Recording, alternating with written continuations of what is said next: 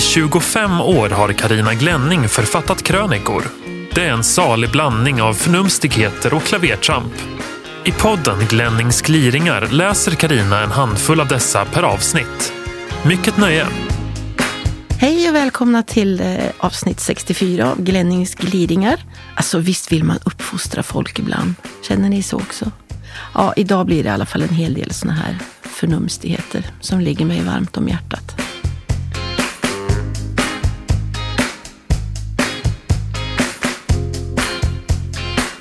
Visst vill man uppfostra folk. Det bor en gammeldags liten poliskonstapel i mig.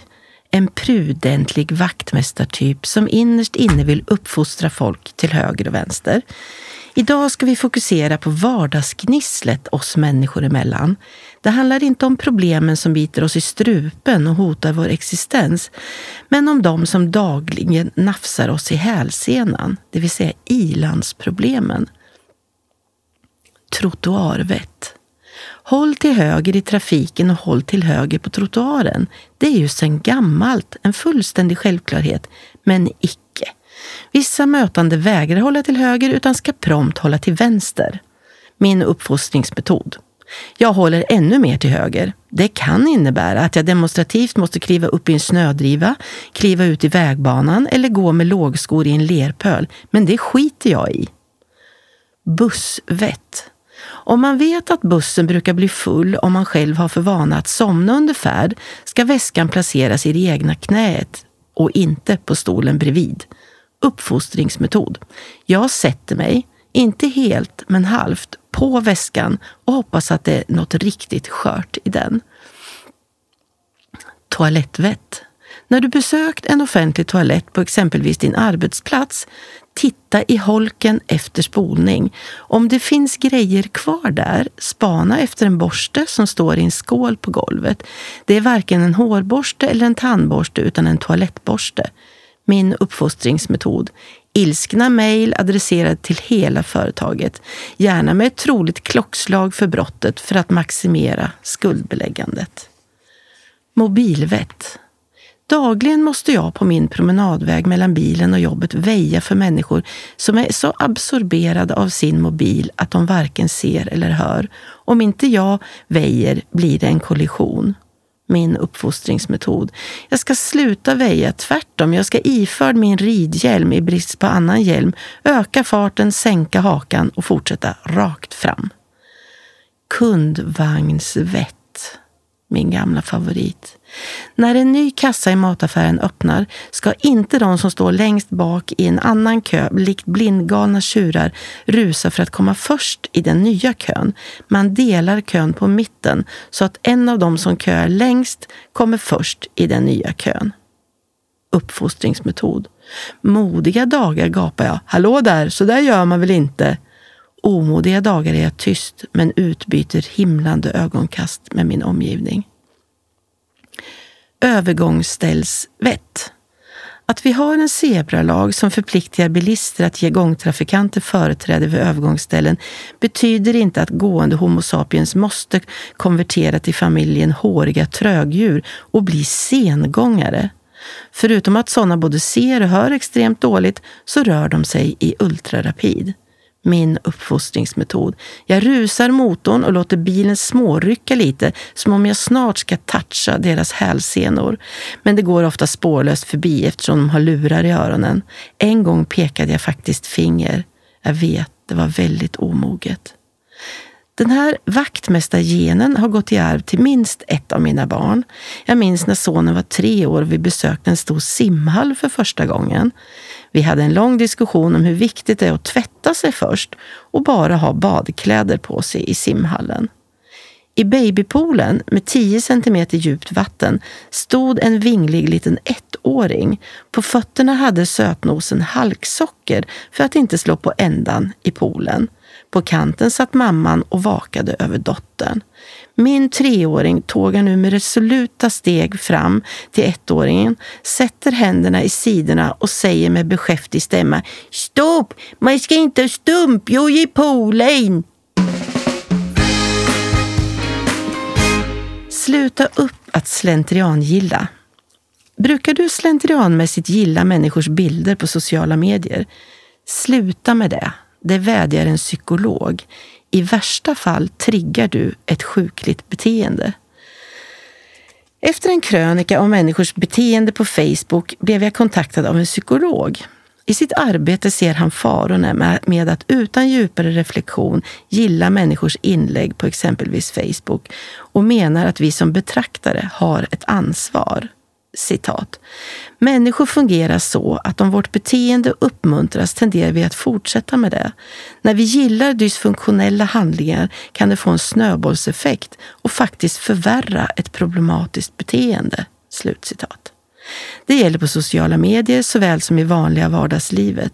Det gäller Facebooks gilla-knapp såväl som bokstavliga ryggdunkningar och verbala tillrop.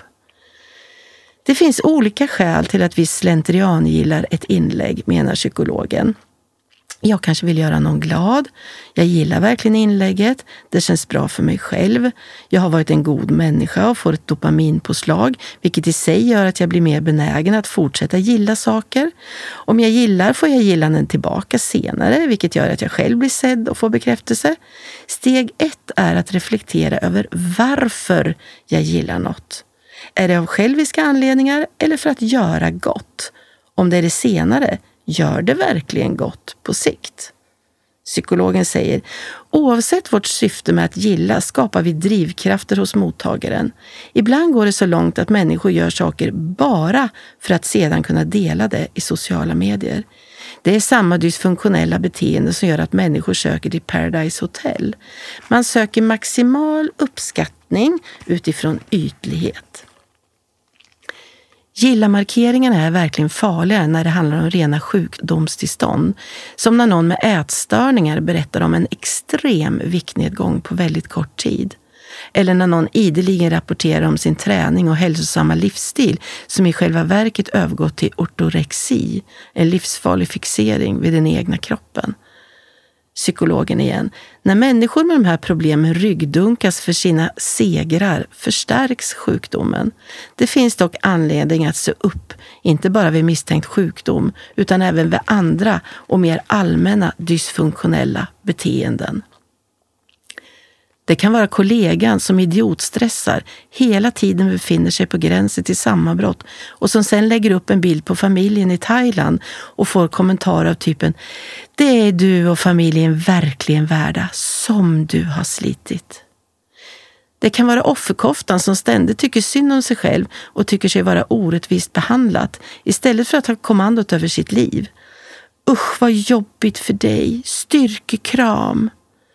Det kan vara den bekräftelsetörstande föräldern som, utan ett uns av perspektiv, utnämner sig till världens sämsta eftersom hon glömde packa dotterns gymnastikpåse. Nej då, du är världens bästa mamma ju och har världens finaste dotter. Psykologen. Personligen skulle jag inte gilla något av ovanstående, även om det tär lite på relationen. Ett gilla kan hjälpa personen i stunden, men varför ska jag ryggdunka ett beteende som inte är hållbart i längden? Ett beteende som människan mår dåligt av. Vi är sociala varelser. Vi vill knyta vänskapsband. Vi vill gott. Psykologen. Men när intentionen, alltså se på mig, jag gillar ditt inlägg och är en god människa. När det, intentionen, blir viktigare än det faktiska utfallet, då landar vi i en superegoism. Så snälla, tänk till innan du slentrian gillar nästa gång.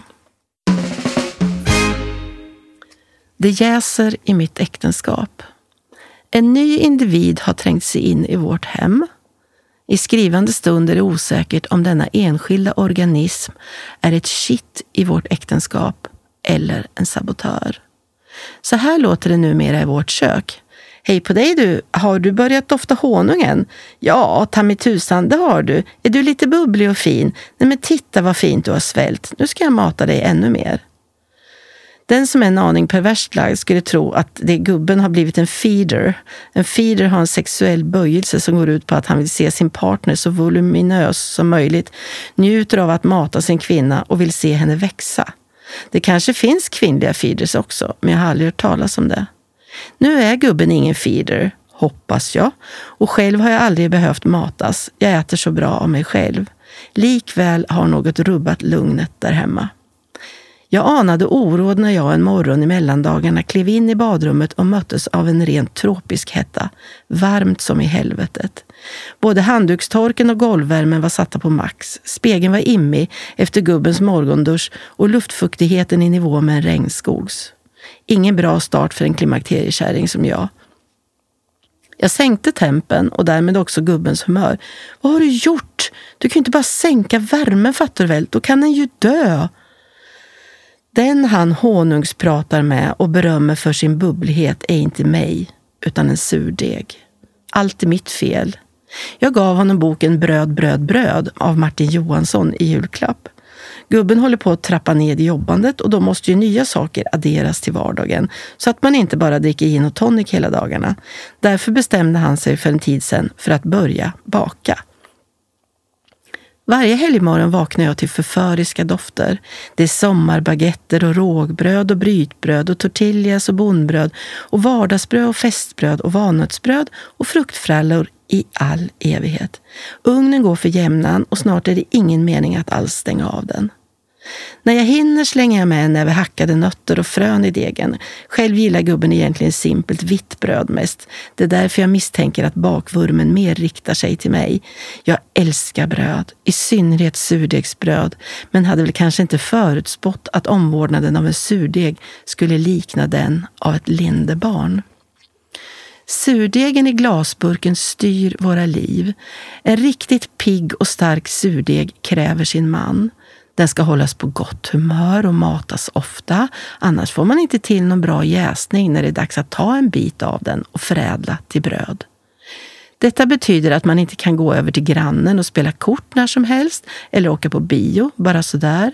Dagar, veckor, klockslag, allt har förlorat sin roll i denna helt nya livscykel.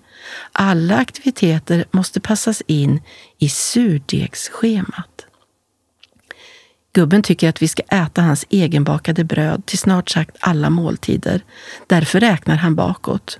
Vi vill förmodligen äta soppan runt 18. Degen till brödet vi ska ha till soppan behöver optimalt jäsa i 12 timmar.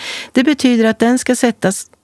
Ibland äter vi fast vi inte är hungriga, men för att brödet är klart. En morgon fann jag en köksbänk full av nybakade baguetter och en knådande gubbe vid bänken mittemot. Vad gör du? Jag bakar, ser du väl. Men hela bänken är ju full av bröd. Ja, ja, det där är det vanliga brödet, men nu är det surdegen jag bakar ut. Hur ska detta drama sluta? Finns det någon avprogrammeringskurs att ta till? Så lämnar du din surdeg. Ropen skalla, köpebröd åt alla. Ingen surdeg på våra gator.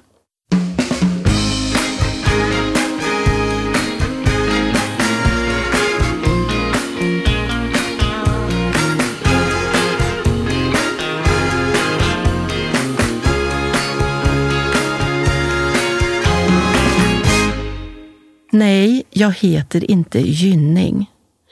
På förekommen anledning, hej, jag heter Karina Glänning. Inte Karina Gynning och inte Carolina Gynning heller. Det är en annan människa. Det händer ideligen. Nej men hej, det är du som skriver kön i tidningen. Karina eh, eh, Gynning va? Nej, Carolina Gynning menar jag. För mig är detta obegripligt, för så vitt jag kunnat utröna har vi ingenting alls gemensamt. Carolina Gynning är 39 år och enligt Wikipedia en svensk glamourmodell, programledare, bloggare, sångerska, skådespelerska, dokusåpa-deltagare och konstnär. En fotomodell och dokusåpakändis som bytte spår i livet, opererade ut sina bröstimplantat och satsade på konst och författarskap. Vi har aldrig setts, men jag gillar hennes konst. Är vi varandras dubbelgångare, av naturen väldigt lika varandra? Nej, tyvärr, för mig. Nej, tack gode gud, för henne. Är jag en så kallad look-alike? Alltså en person som medvetet sminkar och klär sig för att efterlikna och imitera sin idol? Nej. Vad det handlar om måste vara att våra för respektive efternamn har samma begynnelsebokstav. Jag kan inte komma på någon annan anledning till att jag stup i kvarten kallas Carolina Gynning. Apropå namn. I detta individualismens tidevarv måste namnfrågan vara jobbig för många. Jag menar, alla namn som ligger bra i munnen och har något slags bäring i verkligheten, som Bergsjö, Tallgren och Strandvik, de är ju redan upptagna, så de kan man inte aspirera på. Nu får man dra till med namn som ger tungvrickningar och är fullständigt obegripliga. Flakflint, Krullknofs, Strandstryr, Jordgöl, Bräskbröl. Många av dagens småbarnsföräldrar kommer inte långt efter i sin iver att ge avkomman ett namn som ingen annan i hela världen bär. Jag ser framför mig hur dessa arma ungar i framtiden förbannar sina föräldrar eftersom de tvingas bokstavera sina namn flera gånger om dagen och lik förbannat blir det felstavat på viktiga dokument och mejl som aldrig kommer fram.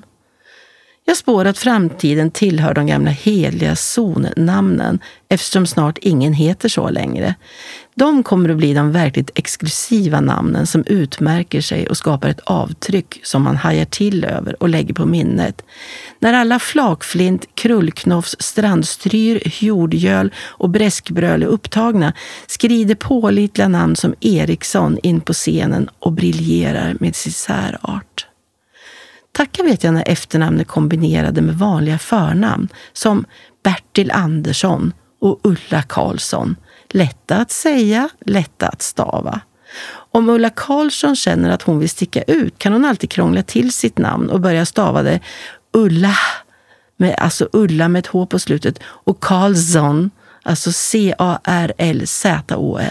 Vill hon ytterligare odla sin särprägel kan hon byta ut de versala begynnelsebokstäverna mot gemener Ulla Karlsson med gement U och gement C.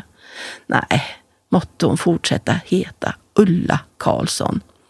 Vem är förresten jag att sitta här och raljera över namn? Glänning är ju lika obegripligt som fläskmyr. Men så har jag också fått heta allt mellan klänning och gnälling under årens lopp. Men oftast gynning. Ja, ja, jag får väl vara glad så länge ingen får för sig att det är Karina Lynning jag heter. Eller Karina Gynstol. Var tog den nakna vägen? Nytt år är lika med goda föresatser. Alltså har jag börjat simma igen. Reflektion. Man ser väldigt lite naket nu för tiden. Den där tanten är naken, säger en liten tjej till sin mamma och sneglar mot mig. Det hade ju varit ett anmärkningsvärt konstaterande om det inte varit för att vi befann oss i en simhallsdusch. Här tvättar man sig inför simhallsbesöket, naken. Eller man borde i alla fall göra det. Bort med svett och hudavlagringar, bort med smink och hårspray. Naket är naturligt, men snart helt väck. Allt fler hoppar över att duscha i skolan, bland annat av rädsla för att bli filmade av andra elever. Och i badhuset tvättar sig folk med badkläderna på. Eller också tvättar de sig inte alls. Tvättanslagen har käcka rubriker som “Renlighet rockar” och “Clean is cool” vilket mer signalerar en viljeyttring än ett krav på att vi ska tvätta oss före bad. När jag var barn bastade vi ofta med våra finska grannar, nakna. Det var inget konstigt med det.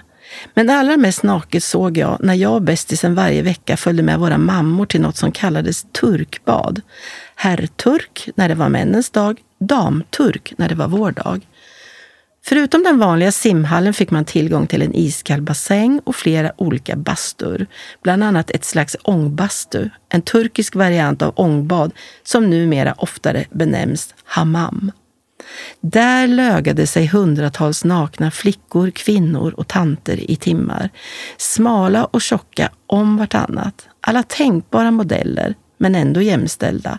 Utan kläder och accessoarer blir man ju det. Så länge inte stora simhallen besöktes var alla nakna, hela tiden. Jag har inte tänkt på det förrän nu, när den där lilla flickan noterade min nakenhet som om den var udda. Och det var den ju. När blev det egentligen så? Som jag minns det var simhallens alla anställda som kallades badtanter. Rejäla finskor i vita rockar och gummiträskor. De var snälla och hårda på samma gång. När jag var där med skolan övervakade de oss noga så att vi tvättade oss rejält, nakna och över hela kroppen, rumpa såväl som huvud, innan vi tilläts gå in i simhallen. På damturken däremot var det badtanterna själva som tvagade oss. Jag låg naken på en stålbrits med handtag högst upp som jag höll hårt i för att inte kana ned i kakelgolvet under badtantens ganska bryska behandling. Finskan frågade om man ville ha ettans, tvåans eller treans rotborste. Jag tog alltid trean.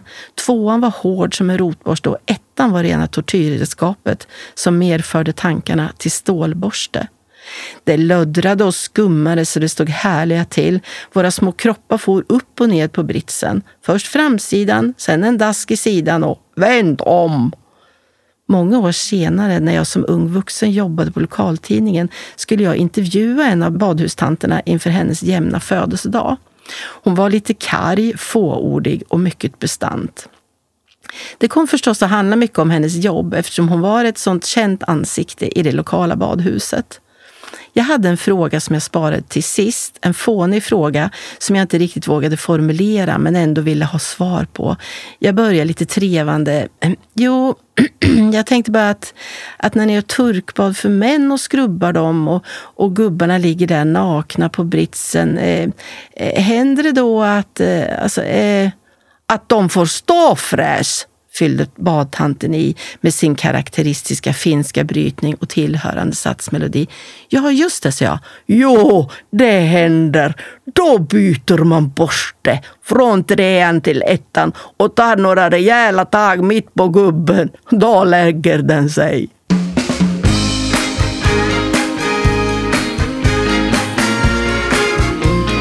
Du har lyssnat på Glennings gliringar. Ansvarig utgivare, Christer Kustvik.